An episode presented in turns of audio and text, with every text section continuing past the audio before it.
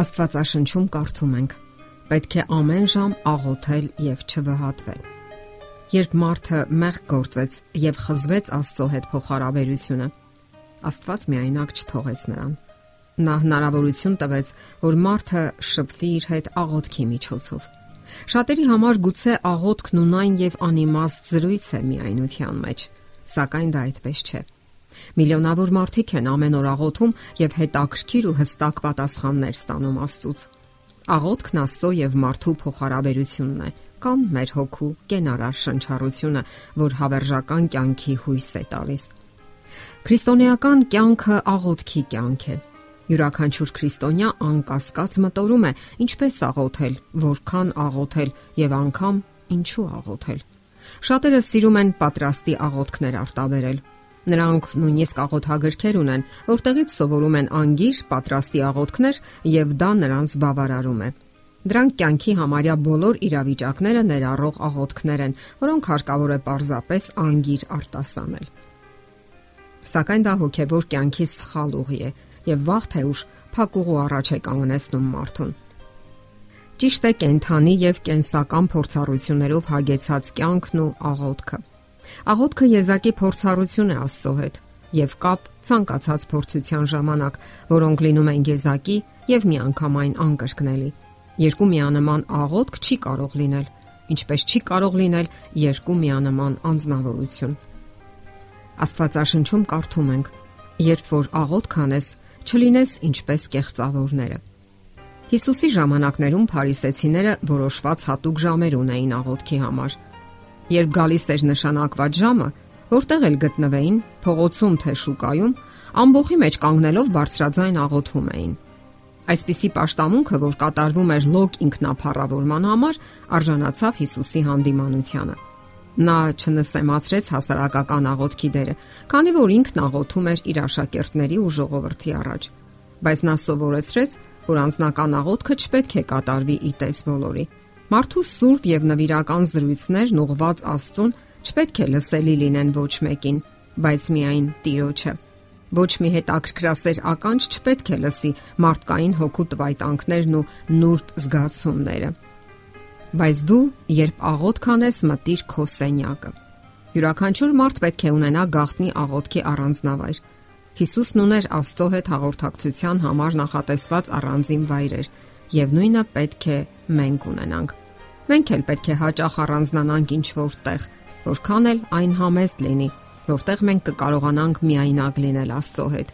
Հիսուսի անունով երեխայի վստահությամբ մենք կարող ենք դիմել Աստծուն։ Ոչ մի մարդ այստեղ չպետք է միջնորդ դառնա։ Հիսուսի միջոցով մենք կարող ենք մեր սրտերը բացել Աստծո առաջ, ինչպես մեկի, ով ճանաչում եւ սիրում է մեզ։ Ծածուկ աղոթատեղում ուր բացի Աստծուց ոչ մի աչք չի կարող տեսնել, ուր բացի նրանից ոչ մի ականջ չի կարող լսել, մենք կարող ենք անսահման բարեգութ հոր առաջ հեղել մեր ամենածածուկ փափագներն ու բուրըն ցանկությունները։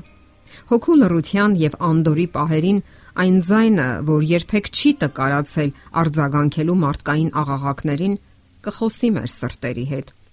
Աստված սիրով է լսում մոլորված մարդկանց խոստովանությունը եւ ընդունում նրանց ապաշխարությունը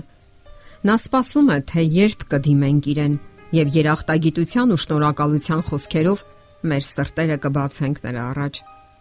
Այդպես մայրն է սпасում իր սիրասուն մանուկի շնորհակալական ժպիտին։ Հիսուսն իր հետևորդներին հորդորում է, թե պետք է ամեն ժամանակ աղոթ քանել եւ երբեք չձանձրանալ, չհոգնել կամ չդադարել։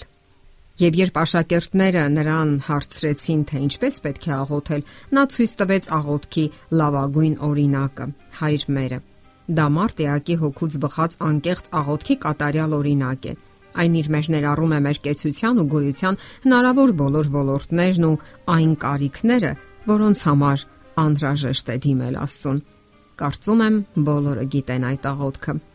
Նշանավոր գրող Կնոտ Համսունը իր ստեղծագործություններից մեկում այսպիսի տողեր ունի. Թող օշնված լինի կյանքը, երկիրն ու երկինքը, թող օշնված լինեն իմ թշնամիները։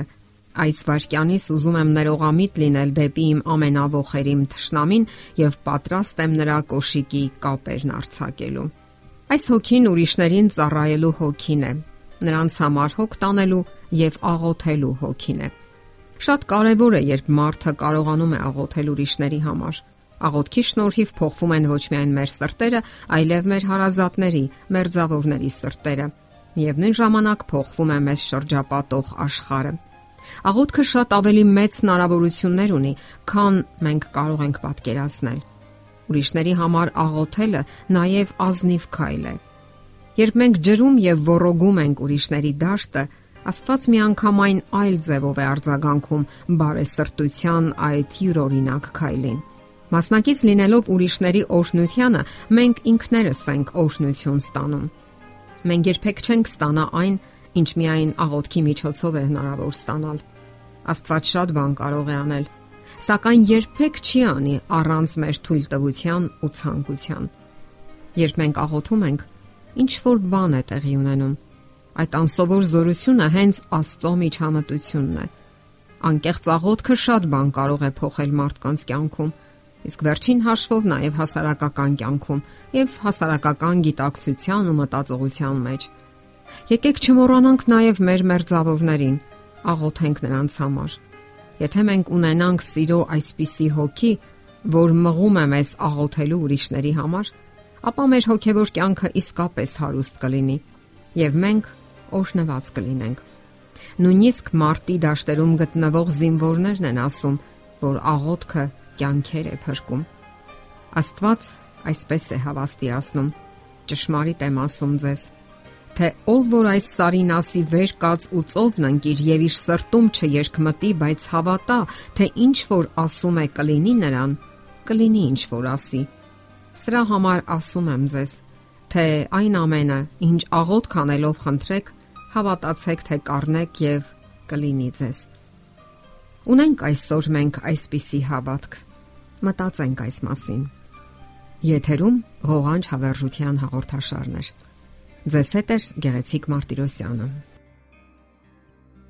Հարցերի եւ առաջարկությունների համար զանգահարել 033 87 87 87 հեռախոսահամարով։